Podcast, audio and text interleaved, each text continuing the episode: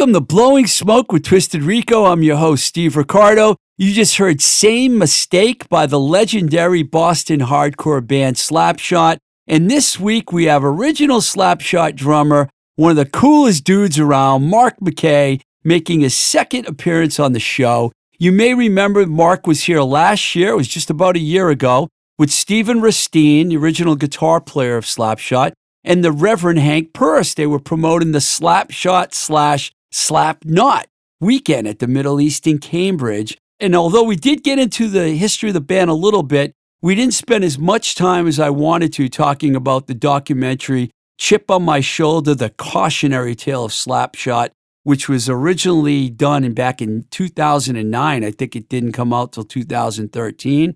It was uh, held up for a little while, but I want to talk about that. If you haven't seen that documentary, it's a gripping story of how the band survived clashing personalities and lineup changes, with Mark being extremely outspoken throughout and I asked Mark to come back to talk about the history of the band, the documentary, and what he's been up to these days, which is a really cool new project that we're going to talk about. Very excited about that. While I was at the New Alliance Art Gallery opening on Thursday night, I did run into a couple of guys who are now playing with Mark, ex SSD bassist Jamie Sciarappa and guitarist Daryl Shepard. They were both here. Daryl, you might remember, was on the show. They both spoke very highly of this project called The Long Wait.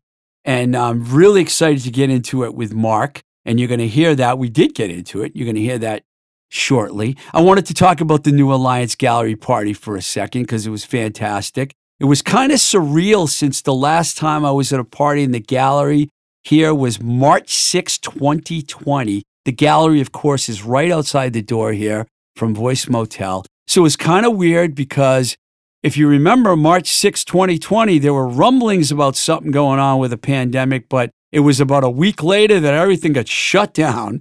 So it was great to see a lot of people here and checking out the work of our good friend Alvin Long and several other artists. Most of the new artists, you know, I hadn't seen their work, but it was really good. It's a testament to the folks here on the New Alliance management team. They found some really good artists and they're exposing them to the world and well, to our world, anyways. And the turnout was fantastic. I got to see and talk to a bunch of folks. I mentioned Jamie and Daryl. Al Barile was here from SSD. We had a great conversation. I talked to Jamie and Al for a while. It's always great talking to the legends of the Boston hardcore scene. Let's see, who else did I see? I saw Ken Samar was here, Joni Lindstrom, Angie Sciarappa, Gail Rush, Francesca from the band Loretta, they have a new record coming out, by the way, that they recorded. And, you know, all the regulars from here, like Ethan DeSalle, Duncan Wilder Johnson, Nick Z, Mike Crockett. It was a really good time. I mean, it was really special because Alvin had been out of the loop for a while, and it was good to have him here. And his art was selling really well, from what I understand, that night. Guess he sold a lot of pieces. Happy to hear that. And it was a lot of fun. Uh, are things back to normal? I don't know. I, I guess so. I kind of hope so. I think they are. What is normal is that we're going to play you an interview right now, like we do every week. This is my conversation that I had with Mark McKay, who's a very interesting man. So please enjoy. So, firstly, I, I have to ask you about all these rumblings I've been hearing about your new project. And uh, I talked to Jamie and Daryl the other night at the New Alliance Gallery Art Show. And I know you came in later and I missed you.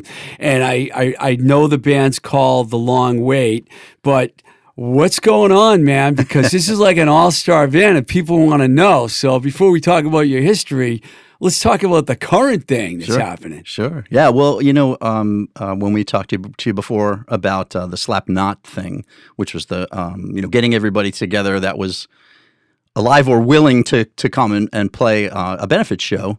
Um, we had such an amazing time reconnecting with everybody that had been in the band, uh, no matter how long they'd been in, long time, short time, whatever. You know, we got a big rehearsal space and we just, it was like a party. You know, we really had a great time. We rehearsed the songs you know, to varying degrees of success. Um, but we had such a great time reconnecting. And honestly, I mean, I hadn't played in 10 years. Jamie hadn't played in almost 20 years. So it was great to kind of dust off the instruments and, and, and make some noise and, and feel that, that vibe, why we wanted to be in a band in the first place. So, um, so once Slapknot was done, you know, Jamie was just like, hey, you know, let's just keep going. So, yeah, Steve, myself, and Jamie just started woodshedding some stuff, and um, I mean, it's just kind of grown. Um, you know, we're still banging out songs right now, um, but uh, we asked Daryl to come down and and jam with us, and and he liked it so much he wanted to stick around. So yeah, it's it's really going well. I can, I, I can only imagine with Daryl and Steven what a powerhouse guitar band that's going to be. Yeah, I gotta I gotta wear extra ear protection in rehearsal. It's brutal. And then I had a nice conversation with both of them, mostly with Jamie about the band. And, he, and I guess he's right. He wrote a lot of the songs. Yeah. Which is interesting. What is his songwriting like? You know, he listens to a lot of um, kind of heavier, mid tempo, slower, uh, heavy, heavy stuff. Um, so he's Yeah, Daryl said it's not hardcore. No, no. The, I mean, mid tempo would be pushing it. Um, it. It's definitely slower stuff, uh, which is a challenge to me because I've never played slower stuff. It's always been really fast. Um, but it's it's allowed me to um, um, kind of feel better about my instrument too because I can actually hit things and and play around a little bit. But uh, yeah, it's really it's it's really heavy and it's so much fun to play. And you and Jamie did play together for a fairly a long enough time where you probably locked in pretty good with each other. Yeah, yeah, yeah. We played together. Um, It was a five piece when Jamie was bass, Yeah, right? that's correct. Yeah, yeah. Just fantastic to to to be seeing these guys again and to be hanging out again. And you know, we we get to play music, and that's just a bonus. So And I guess the singer situation is what's kind of up in the air right now in terms of that's what those guys told me. yeah, you know, Keith Bennett was coming down, uh, came down a couple times and, and rehearsed with us, and we asked him to join. Um, and he's been writing lyrics, and um, you know, we're going to rehearse. I think right after this, the, for the first time as a Oh, five. with Keith? yeah, Oh, for the good, first good, time as a five piece. So Oh, uh, nice. so we'll we'll see what happens today. oh, good, good. Yeah. I didn't know about. They didn't tell me about that. Yeah, one of the things we we we thought about as we were playing this is the songs were so kind of like different from each other that we Right. would have maybe multiple singers, like somebody who can Oh, do this nice. kind of thing, do this song, and Uh-huh. uh, so you know we would um, we're trying to keep it wide open, and th- I think the whole slap knot slap knot experience taught us that you know different people have different strengths and and can bring different things to the music. So Now, did you and Daryl ever play together in Slapshot? yeah, we you did. did. Yeah. What part of the band was that? Like what era? Uh, that was in the the the early '90s. Um, you know, m- that was pretty much the end of my tenure on And there. then Barry Height came over. Yeah, yeah, because they recorded those Blast First records with Barry, right? That's correct. Yeah. Yeah. Yep. Yeah, because I, I, it's a weird, it's a long discography, but unfortunately, there's not enough information online about each of those records to like actually know who played on each record. Yeah, gets a yeah. little confusing. Oh, it confusing absolutely does. I Yeah. remember last time we talked about how you had all these different members in the band over Yeah. the years, and trying to remember the lineups and stuff. It's just, it's hard to do. Well, we had. I mean, Slapknot had like 20 people rehearsing, so it's like Yeah, I get- pretty ridiculous. I wanted to. Yeah, that's the next thing I was going to ask you because I know Slapknot had to be the impetus for this. This, I'll call it super group. I don't know. Ah, you're far too kind. All star band. So I mean that that was the impetus from it. So I guess it must have went well enough where you guys decided, hey, we should just jam and stuff. Yeah. You and Steven especially, huh? Yeah. Yeah. Yeah. Absolutely. That's good, man. I'm happy. I'm excited about it. I wanted to get that out of the way. Thank I'm you, Steve. I, I, I appreciate the that. long wait is an interesting name. Where, where'd the name come from? Well, we were just uh, again when we were uh, trying to feel out like how to play our instruments again, how to be in a band again, how to be close friends again. You know, Uh-huh. because we were just trying to, uh, you know, get everything back um, as well as move forward. Um, we must have you know reviewed like a thousand different names, and nothing Right, was just right, kind of right. sitting well with us. Yeah. You know, it's it. So the long wait was just one in a long list of things, and and um, and kind of stuck with us because it it, it it I think it just captured what we were do, what we were working towards. Like we we've been waiting, but we didn't know we were waiting. So it's just been this you know this interminable time where we were uh, Jamie, separate. Jamie seems very excited, man. I mean, it was good seeing him like that the other night. He was all excited when I asked him about the new project and everything, you know. And Al was sitting, Al Barile was there. I was talking to Jamie and Al Barile together. That Yeah. was really cool. Right. I did that at the Cir- Circle Jerk show Yeah. too. So I never really knew those guys very well. Yeah. They were like, when I was young, you know, I talk about this a lot. When I was at college radio, you know, I had long hair and I smoked weed every day and I drank and I was scared to go too close to the hardcore guys because I didn't want to get the shit kicked out of me. Right, right. Especially SSD, you know, I didn't want to show up at the media workshop and like be carried out on a stretcher, you know. yeah. But now I'm finding like, God, these guys are great guys. You know, I don't know what the hell I was so afraid of, but Well, that was the vibe, you know. I mean, that was that was you know Boston was known as a straight edge town, you know, Right. even though that you know wasn't strictly the deal, of course, because there's just so many personalities and so many different people. But um, that was the that was the front and center message was like we don't we don't take any crap and this is Boston and you will play by Yeah, our rules. They had So- that press conference and everything. Right? Him and Oh my Choke, and gosh, I, whenever I watch that, I'm like, whoa, okay. I'm glad I didn't go there and get my ass kicked. But it's funny, you can see Choke like smirking a little bit during that, you know, because it's like, I, I mean, how can you say some of that stuff with a straight face? You know, it's like, I know Al they. was good at it, though. Right. Oh, absolutely. Yeah. Yeah. He was real good at it. So you grew up in Malden. And we got into this a little bit. Um, I'm curious about what was it like growing up there, and how different of a place like is, has it become now? Have you are you still near Malden? Do you ever go there, or Yeah, we actually rehearse in Malden, so I get to um, drive the length of it to go to rehearse. I live in Somerville, so um, um, you know I'm there every weekend, and and um, you know, it- growing up was was fantastic. I mean, it was a very um, a, a- very uh, a safe city. It was a, a great place to be. There was tons of things to do for a young kid. Um, you know, pre-internet. You know, it's like for pe- for people that don't uh, aren't from around here, Malden? It's not like Malden's a long ways away because it's like literally like 15 minutes from here. But the towns, you know, it's in between like Somerville and then Medford and Yeah. then Medford Me- and then Malden. But what's amazing about Malden is how many people that we know that came from there that ended up in bands and stuff. There was something in the water in Malden, definitely, definitely, because you know, um, you know, I, I went to high school with Steve and Chris, um, Chris Lauria. Chris Lauria, Yeah. yeah, T.J. Welch, like uh, I mean, just so many people um, there, and, and I don't know what it, what it was about Malden. I think it was it was just that um, uh, it was this kind of geographical center. It was far enough from Boston. Um, so people could go to shows and see the things, and then come back to their kind of suburban life, et, et cetera. But um, yeah, w- once I got involved in punk rock, I was like, we, I got to get out of Malden and find out where the action is a little bit closer. But Before you, there was the Charettes, you know, uh, John and David Charette, and the Sharonis, you know, Gary Sharoni, and, and absolutely. those guys, and they were all like, it's always been uh, John Bianelli. Yep. You know, I mean, he's been on the show before. We talked about this. A, it's been a year. I know, way, right? Since you were here, but you know, I'm glad you're back. So, you, um, did was it Malden High School? yeah, Malden High, yeah, And you and Steven and Chris all went to Malden High yeah, School. yeah. Were you in the same grade? No, no, those guys were a little bit younger than I, but um, you know, by the time I was a senior, they had already got a band together, a hardcore band. We were going to shows and things like that together.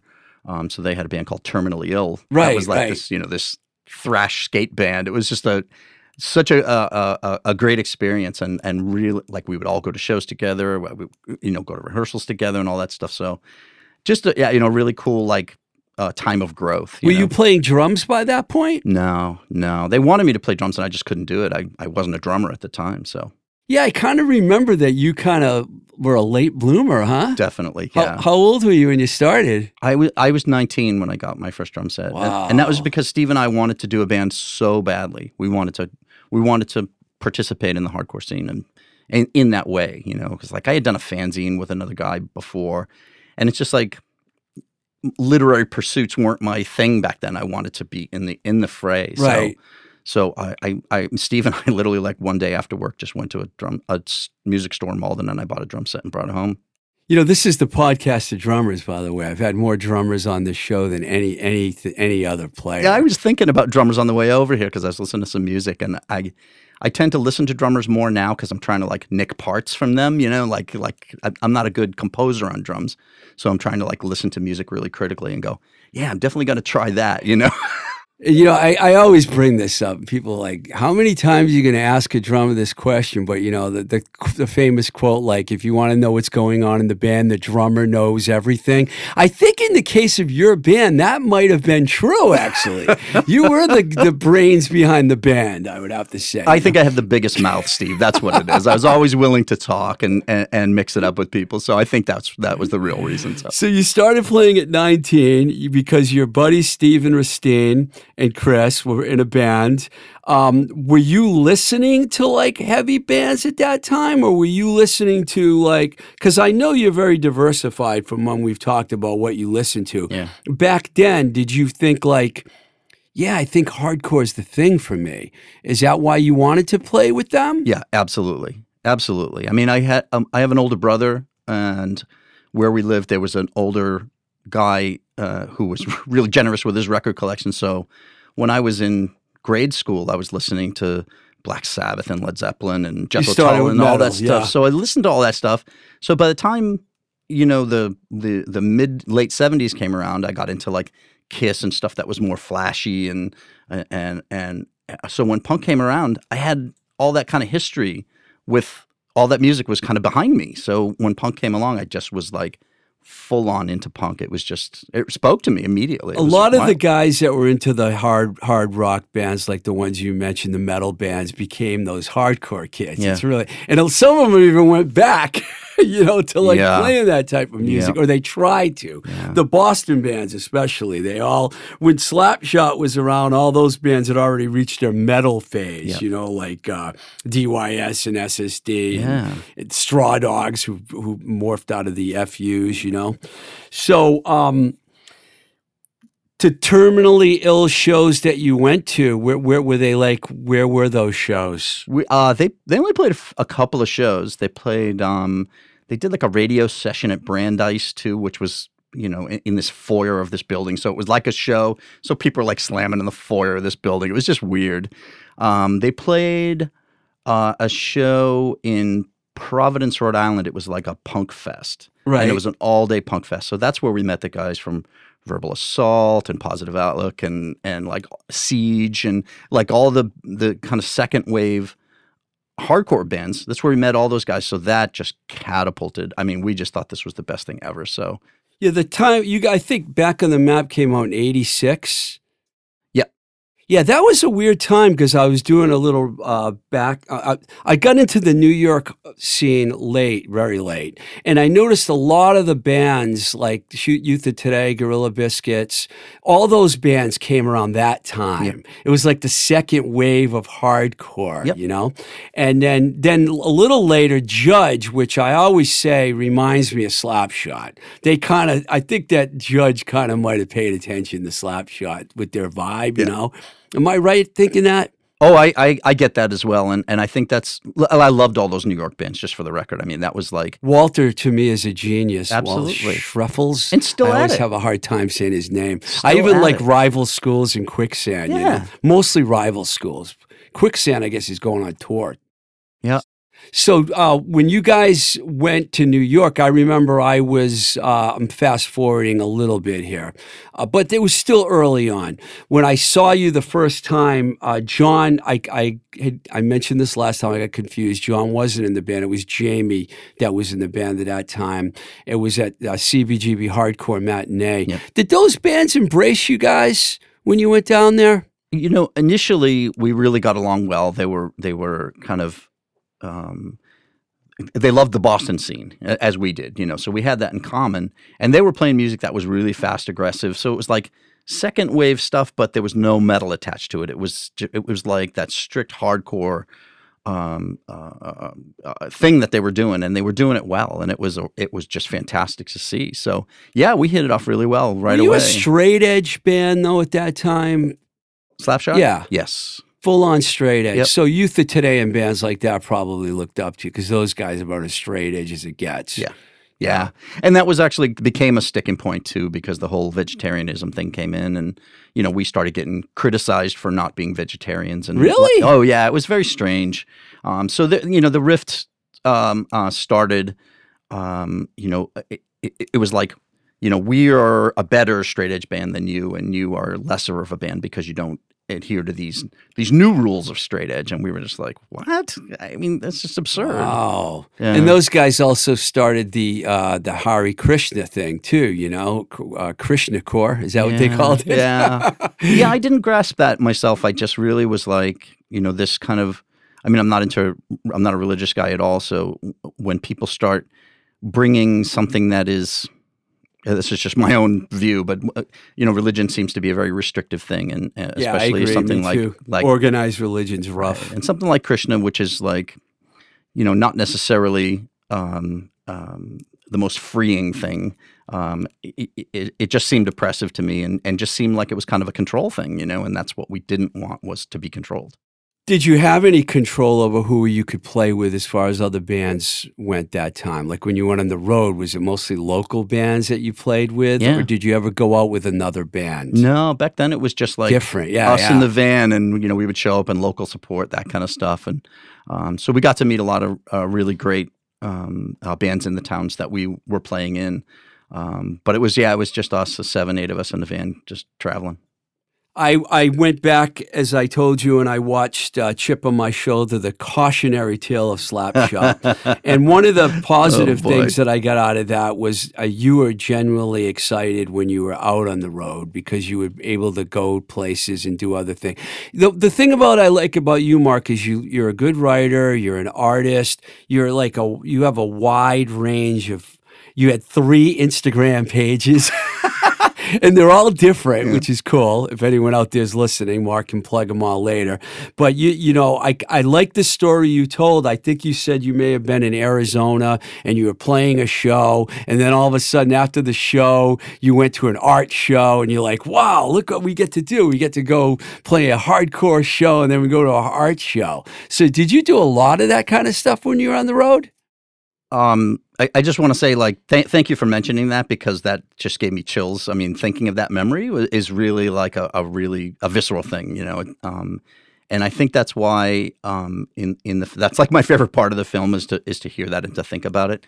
And I can't watch the film. I just it's too it's too it's too rough. It's too painful to kind of go through those things again. I'm really honestly. sorry that I'm going to actually ask you some questions. No, no, no, no, no. Oh, I don't mind. I mean, we went through so much to, to get that made. We're really proud of it. But, um, uh, you know, um, the, the friendships lost was really a, a tough thing for me. So, um, but yeah, no, a, a lot of that stuff um, happened. We would kind of kind of search out things that were other than like you know the, the hardcore venue, that kind of stuff. We wanted to see what was going on in the city. You, you wanted to get around town. I did the same thing. You know, I toured with bands too, but I was working for record companies, so they were paying for everything. So it was easier for me. Right. But I would go to a baseball afternoon game or go to local uh, restaurants, just try and do a lot. I think that was one of the fun things about being on the road. Yep.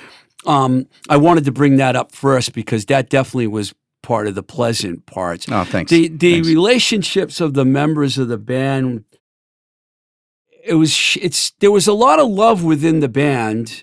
I'm I'm talking about the documentary now.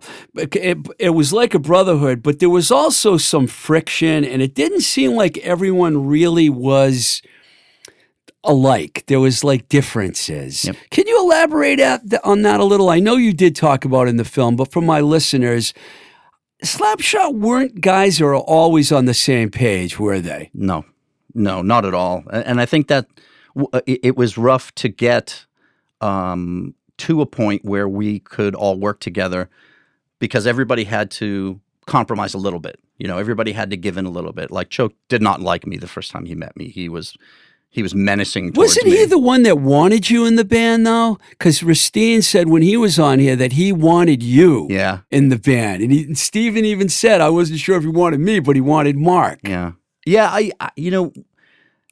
Choke and I had a really deep friendship uh, dur- during the time of the band, but there was no um, there was no way that you could say that we were the same people at all. Um, you know, he had a very different um, attitude towards life than I did, um, but we were kind of like that yin and yang. You know, it's just like it just it formed that circle, and we and we continued to work together. We just weren't honest enough with each other. Like Do you think it was because of the success and the record deal that you guys had and everything that you kept it kept together? No, no. I think I think we we we really loved what we were doing, and um, it, you know, it became all that we really knew. You know, was like th- this is our identity. That, You know, we are Slapshot, and Slapshot is us, and and we got to keep this together. I- For some reason, you know, and we just weren't being honest with each other about um, our own uh, desires and and our own wants for the band and that kind of thing. So Yeah, I think at one point you even said if you want to know who the real choke is, he's the performer. He's not the guy off stage. What did you mean by that? You know, I, I I- I'm not really sure to tell you the truth. I mean, when I think about that, um, uh, you know, because he's so different.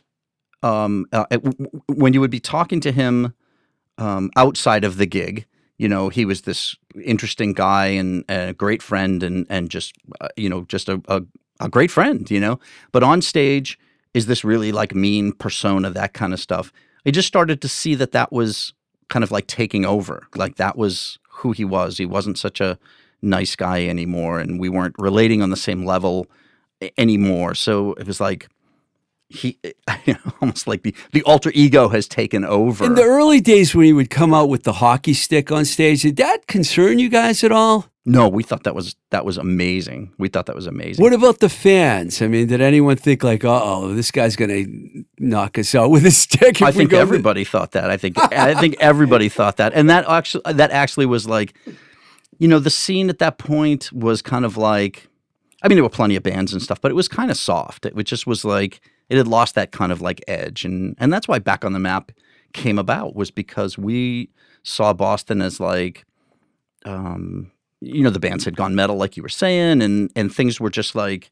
You know, they were either breaking up or going metal, or just you know, the edge had been lost. Did they support you? Those other bands that were still around? Um. Because I know some of them were gone by then. Yeah. Smalley was gone, and Yeah. John was gone. Yeah. I don't know about what Al and them were doing. I don't know about Jerry's kids. Did they were they at the shows? Did they support you? Uh, definitely. Yeah. Definitely. And I mean, they they continued to play sporadically, so we would go see them, and we were friends with those guys. So, um, I don't know what people honestly thought of Slapshot as a band. Um, you know, I know I know a lot of people don't like Slapshot, which is great. Um, I know a lot of people don't think Slapshot When uh, you say deserved the laurels that we got, which is great too. I mean, it's fine. You know. when you say a lot of people don't like you, do you mean locally or do you mean on a international level? Yeah, it definitely international. I mean, you know, locally, I, I think because people knew us, I think people kind of tolerated our antics. You know, like the the the kind of militant straight edge thing. You know, was just like, oh, you know, that was so 1981. You know, but but we felt it. I mean, we really, you know. We didn't want that message to be dulled at all, so we wanted to just bring it back and really ram it down people's throats. While you were there, I know you How left. awful! while, while you were there, and I know you left and came back, but uh, later on. Yeah. But while you were there the first time around, and there were members coming and going, changing. Uh, was there anyone that came in that kind of changed the focus of the band, where you guys started thinking differently, or was it just too much male dominance already in the band for new people to come in? No, no. I think it was really it was it really changed when Jordan um, came in on bass, and then when we went to the five piece. Um, Jordan was an extremely talented guy, and you know we were kind of in awe of his talent.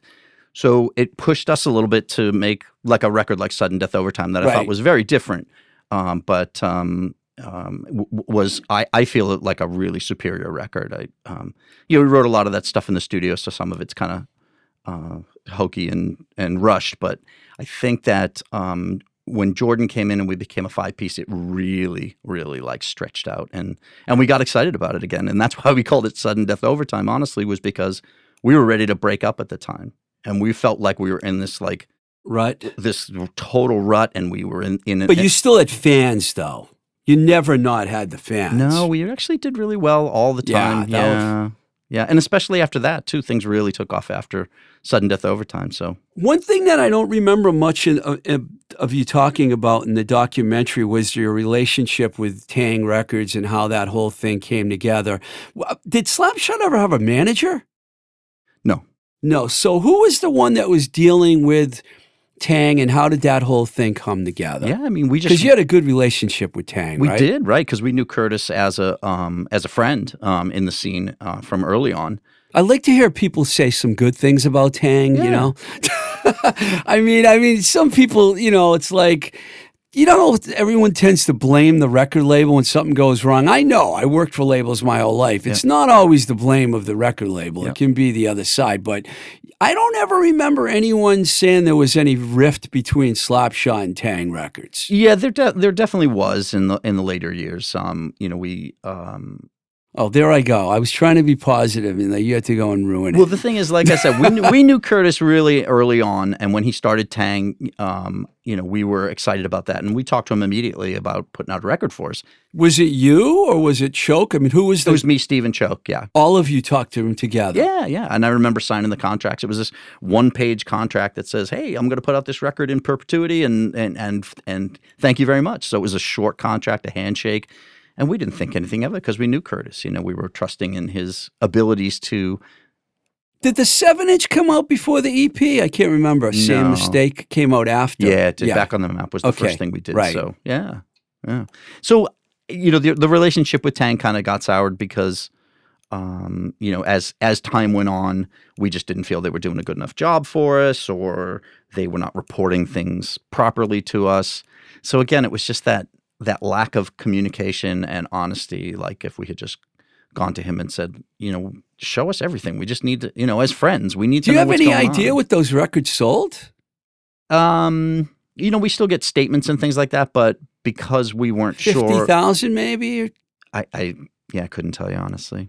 I, I don't even pay attention anymore. You know, It- it- honestly, it's I know just- that's a weird question to ask. no, but, not you at all, not at all. Because we we were thinking, you know, well, geez, we went to uh, you know Europe in 1991, and everybody knew the songs. We were playing shows with 500, 600, 700 people, and everybody knew the songs.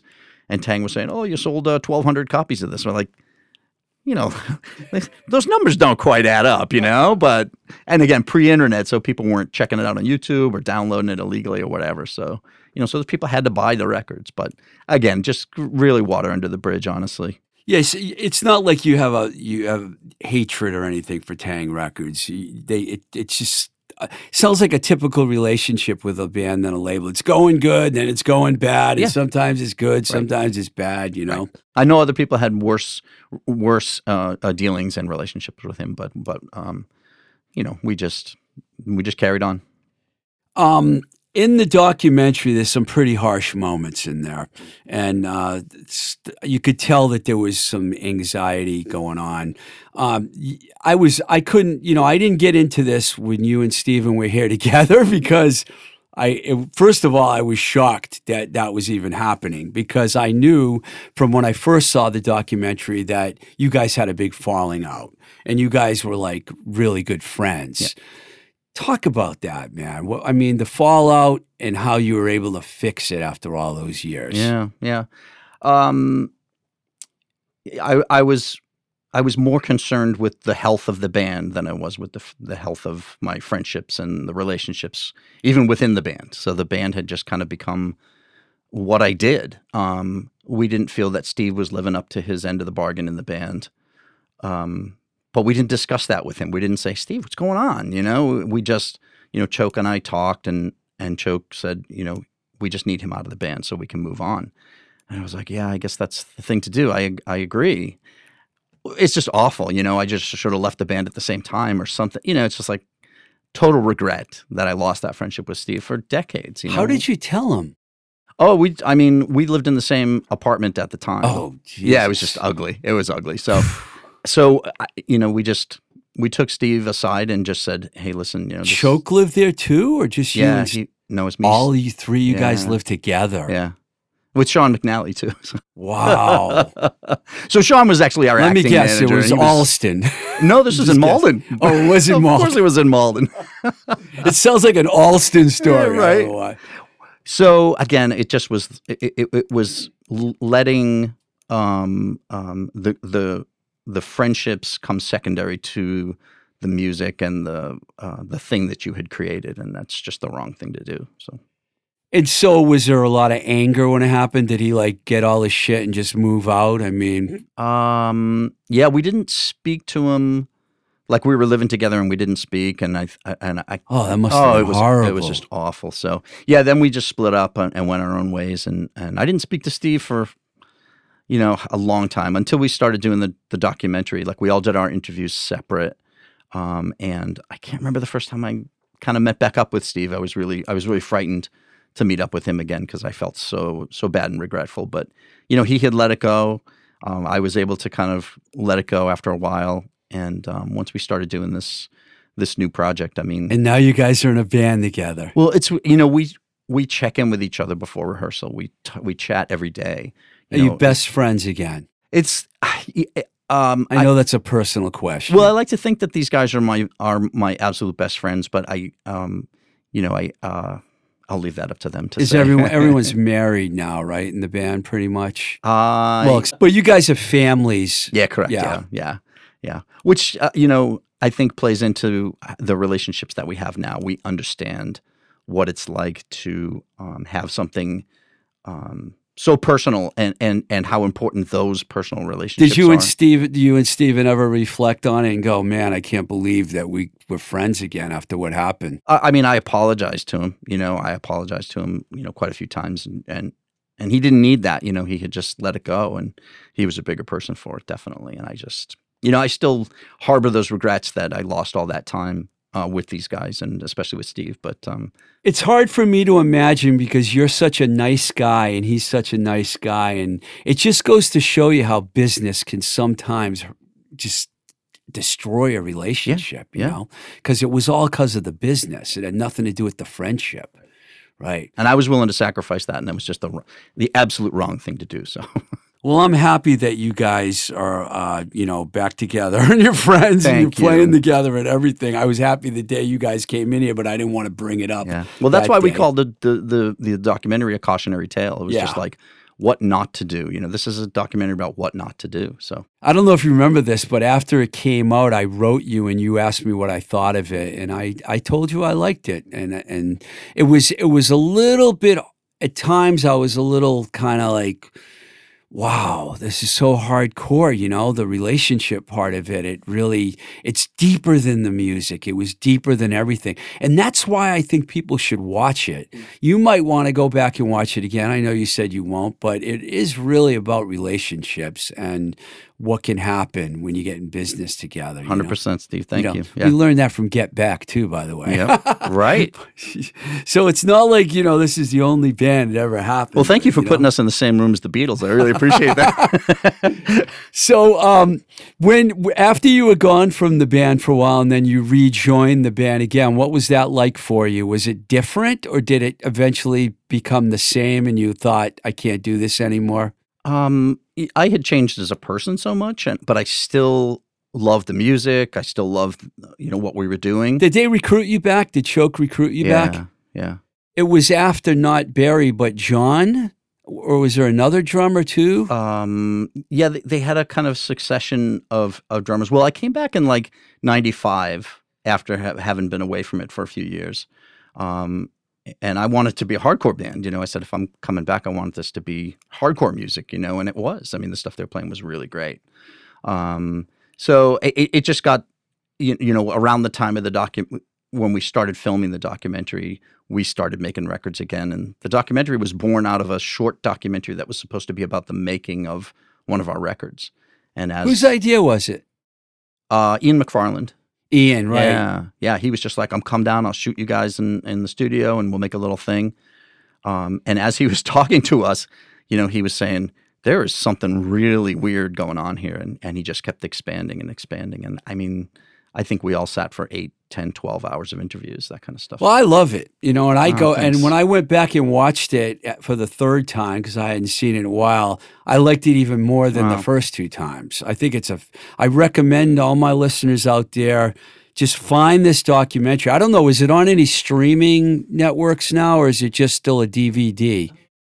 I don't know to tell you the truth. I, I really lost track of it. Last time I watched it was up. I was up in uh, Amesbury, and uh, my friend Jay had rented out a theater up there and showed it. And and I wish I would have seen it in the theater. I wasn't living here when you guys had the. Uh, I guess there was a uh, an opening for the film in in in all Brighton, maybe or something. uh, the the the it was during the the film festival. The um the film festival here in it was in Cambridge at the at uh, the Brattle actually. Did something weird happen at that where they had to go back and edit something out of the documentary, or is that just a rumor? No, I think there was some stuff like once we saw the final cut, um, um, you know, we all kind of said, okay, that's great. But after sitting on it for a little while, there was a couple of things that we just thought were just too, uh, uh, too raw, you know, just too raw. So, um, so I can't remember exactly what it was, but I think there was a, a there was quite a few edits. I mean, um, you know, we weren't 100% happy with it. So Ian just really Was it already in place that Taang would release it, or were you uncertain about who would release it? uncertain. Yeah, we were uncertain about who was going to do it. and then, Taang stepped up and said, "We'll do it." Yeah, but then it waited for like three years in the can. Or Yeah, something, wasn't so- it made in 2009 and came out in 2013 Yeah, or it was. something? Yeah, it was just a. I don't know what the holdup was. We couldn't get in contact with Taang and all that stuff. So it just get in contact. yeah, so it just kind of sat for a little while, and we forgot about it, you know. And then it came out, and um, you know, people started to, to to notice and and compliment it. So we, I mean, Ian did a wonderful, wonderful job on the film. Yeah, it's very well edited and shot, and the story is just absolutely fantastic. thank you, thank you. Um, I didn't get to make it to any of the. Um, I didn't see the Slapknot show or the reunion shows, but I saw the video footage of you, Stephen, uh, Choke, and John Anastas. And I got to tell you, it didn't. It, it seemed like you guys didn't miss a beat. I was like, how could they possibly, after all these years, go and be that good? Were you were you Oh, happy with it? You know, you were very kind. I, um, we were nervous as heck. Um, we hadn't played together since 1986. This these four guys. Um, so Choke asked us, you know, would you be willing to do a little thing at the end of the show, you know, just with the original band? And I said, if as long as these guys are, sure, absolutely. Um, we didn't get to rehearse. We, we uh, You at- didn't rehearse we with did not John. re- no. We- so it was like totally going into this thing just just totally raw. So um, Wow, the crowd seemed to like you from the video footage I saw. yeah, yeah. I was. I mean, it was a trip to to play with the, the those guys again. I had really forgotten about the energy of the original four guys in the band, so it was really great to to revisit that. How well did you know John Anastas? Um, I knew John from DYS. Um, in passing, I'd seen DYS a couple of times, and and he worked at Newbury Comics, so we would Oh, he you know- did. yeah, he did. Yeah, so we would kind of hey and uh, and he would you know compliment the records I was buying or whatever that kind of stuff. But um, when we got Slapshot together, that's the first time I really spent any time with him. Yeah. Um, off topic. Uh, can you remember a lot of people that worked at Newbury Comics? It's funny because Richie Parsons was here not too long ago, and he Yep. told me he worked there for thirty something years. Who were some of the other people in bands that worked at Newbury that you can remember? Because you were like there at the beginning, right? Well, I started there in, in 1989. Richie Richie hired me. Richie Parsons Ri- hired you. Yeah, because I was just shopping there for for a decade, you know, or whatever, and and um, he asked me to come down. Come down Tuesday. I'm going to be hiring somebody. So um, I walked in and he gave me a name tag and that. and you had already been in Slapshot at that point. Yeah, yeah. But I was floating around. I was trying to find like a, a job that was flexible enough to let me do Slapshot instead was of Was this Newbury Street? yes. So you worked at the Newbury Street store. Yeah, yeah, yeah. Yeah. Any other stores? Yeah, I worked in Braintree. I worked in at the MIT store, which was there for a little while. I don't remember that one. Yeah, it was in the student center. And then Natick, I was out in Natick. I mean, I kind of bounced around to wherever they they needed me. Uh, and then I worked went to work for the IT department there and spent the, the last 10 years of my career there time. It's really weird, but I have a regular ritual. Once a week, I go to Northampton, and I always go to the Northampton Newbury Oh, store. I love fantastic. Northampton. It's like one of my favorite places in America. Agreed. I just like it there. I go and get sushi, and then I go to Newbury Comics and walk around. Go walk around Smith College. oh, you it's know? great, isn't it? Yeah, it's fantastic. yeah. yeah. But I totally just went off topic, didn't I? I can do that. So there was one other question I wanted to ask you about the history of Slapshot. Um, now that you've experienced everything that happened from the beginning to the documentary to going back and forth in the band to the reunion to Slapknot, how do you feel about the history of Slapshot? What are you, are you proud of it? Uh, do you have regrets? I mean, what what do you feel about your whole view of the band? Wow. Um, I'm very proud of it. I'm very proud of it. You know, there was, you know, everybody has down moments and everybody puts out clunkers of records and that kind of stuff. Um, the stuff that we did, I think, I, I, I hate to say it stands the test of time because I can't really listen to it. But when I remember those times and I think about the gigs that we played, the people that we met, the miles that we we logged, uh, I'm just proud of it. I really feel I really feel like it was it was worth worth the time we put into it. Yeah, tons of regrets, you know, like you know, friendships lost and, and all that stuff. But um, you know, we're we're working on that and and, and getting getting people, um, you know, to listen to this new thing and and hopefully we can inspire some um, some of the other folks to come down and join with a join and jam with us and things. Uh, we really had a great great time. So when we got together for the Slapknot thing, I mean, you know, I was in tears just seeing these guys again and everybody um, um, together and having a great time and, and making music and for a joyful and a good reason. How you were know? your interactions with the other drummers? Oh, it was great. It was great because I'm I I don't really I play the drums, but I don't consider myself to be like a drummer. You know, I like I play the beat and I I I'm part of the band. But when I see other drummers, like I'm in awe of their talents and things, and I and I always like I was saying earlier, I try and pick up little pieces from them, and that's how I uh, how I kind of move forward in my uh, craft. But it was great. I mean, I I love watching drummers, and I and and everybody's got such a different style, and yeah, it was just it was really great. Boy, it's funny to hear you say that you don't consider yourself a drummer. I mean, you're, I think you're a great drummer, actually. Thank you. In fact, I was going to ask you before I let you out of here about what other drummers that you, if you were all influenced by other drummers, who are some of your favorite drummers, Oh, yeah. both past and current?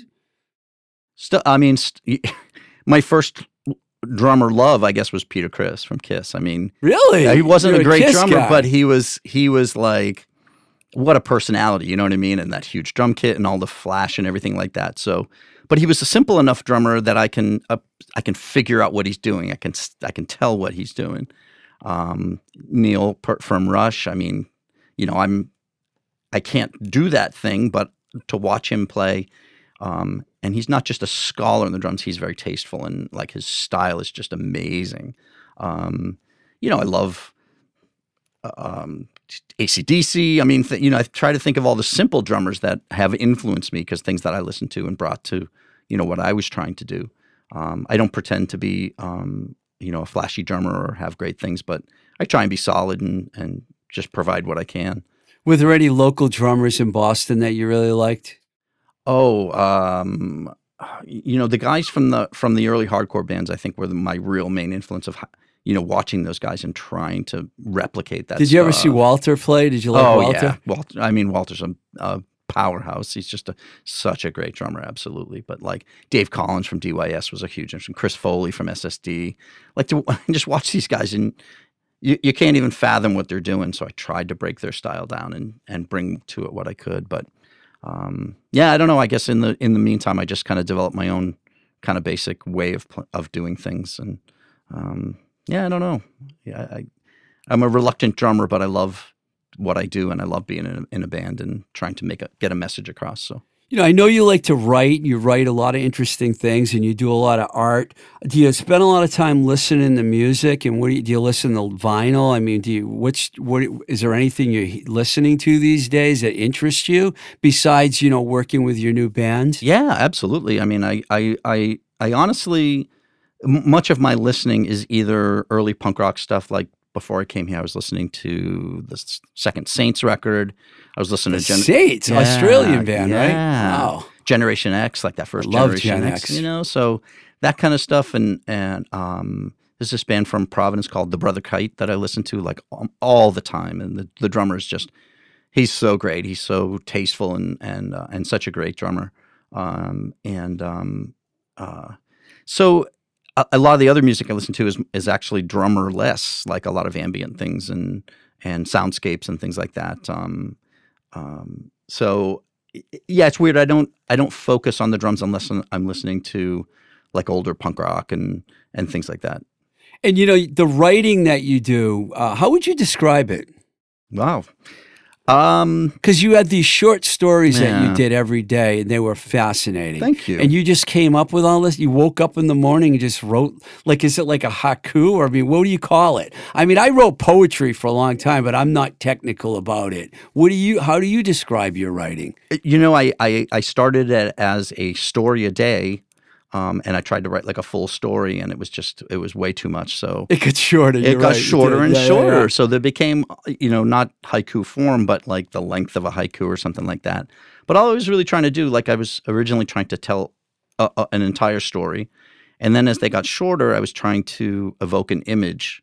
So, so somebody very wise once said to me that the reader is the writer. So it's like if you present something to someone that evokes an image, they're writing the story in their head. You know, and I have a story in my head when I write these little tiny things, but I'm more curious about what somebody else who's re- reading these things can come up with from that little prompt. So- Interesting. I love I loved it, man. And and what what is your art like what medium do you use as far as art goes? What are you doing? Yeah, I actually I've been painting for three or f- three three a little more than three years at a painting school here in Somerville. Um, you know, I, I, it's more of a Zen activity. I'm not very talented, but uh, I know you paint, and, and you're a wonderful abstract painter. I love your Oh, thank stuff. you. So, um, Do you do abstract too? I don't actually. My stuff my stuff tends to be very meticulous and and thin lines and uh, like I'm trying to Oh, recreate really? city scenes and stuff. So it's really. Um, uh, you know, I, I, I can't liken it to punk rock or or hardcore stuff, but I think that it all comes back to that. Like my paintings are very succinct and to the point. You look at it, you know what it is. My writing, you look at it, you, it's short, it's to the point.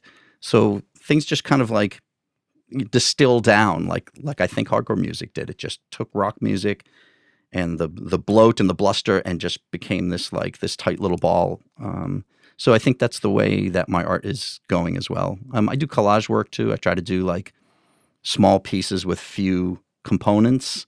So that's just another thing that I I, I like to do. That sudden art, you you're know. you're a very interesting man. Everyone says that about you. You know, you're very interesting. You have a lot of different talents, and you know, I'm, I'm so happy that you were able to come back down here.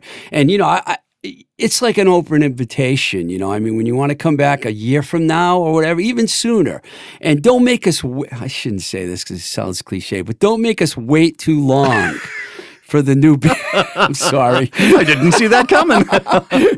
But you know, I mean, I'm very excited about it. I like all the guys you're playing with. I, if it's Keith, eh, that's great. If it's someone else, that's great too. You know, I mean, I think the band sounds, without even hearing it, it sounds great to me already. I'll, I'll take I'll take Gitters uh, way. What a great live band they are. They haven't played a gig yet, but they're a great live band. Well, you're very kind. Thank you. I, um, um, you know, I think it's important to make something every day. I think it's important to kind of have long-term goals in what you're making too, but also uh, it's important to just kind of like when you get inspired, just make something. You know, no matter how small or seemingly that. insignificant it is. You I love that philosophy. thank you. Thank Mark McKay, thank you, man. Thank you, Steve, very much.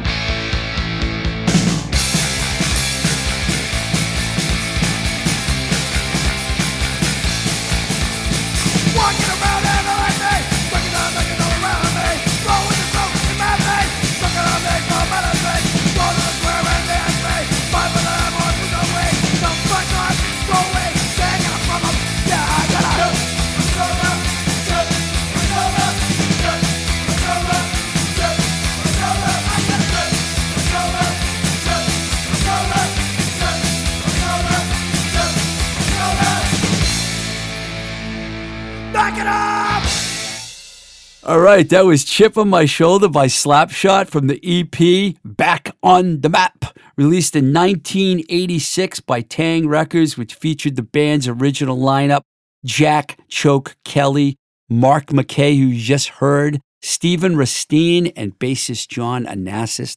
Probably one of the most well known records ever to emerge from the Boston hardcore scene, the second wave that is as Choke and John were both part of the original Boston crew.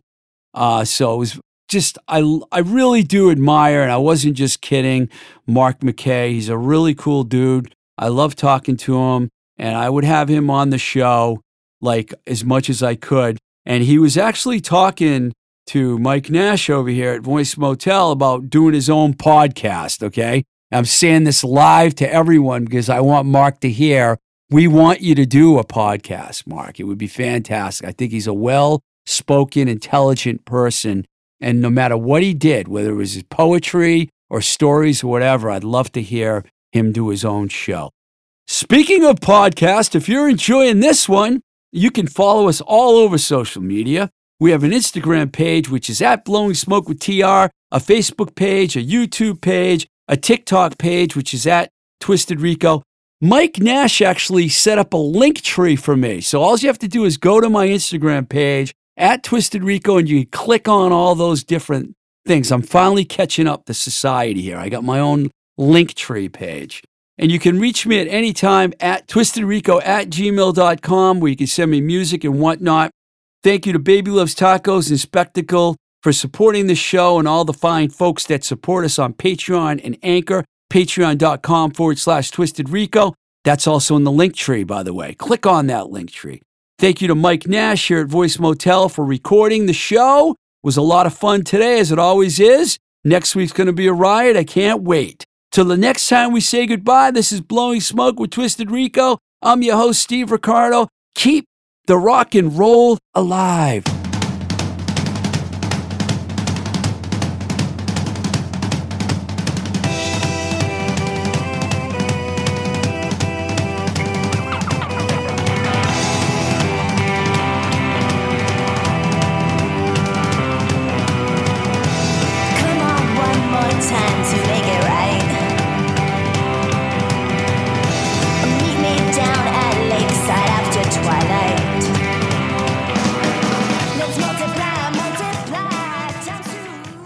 Voice is recorded at Voice Motel, voicemotel.com, your complete podcast recording experience, located in Union Square, Somerville, Massachusetts.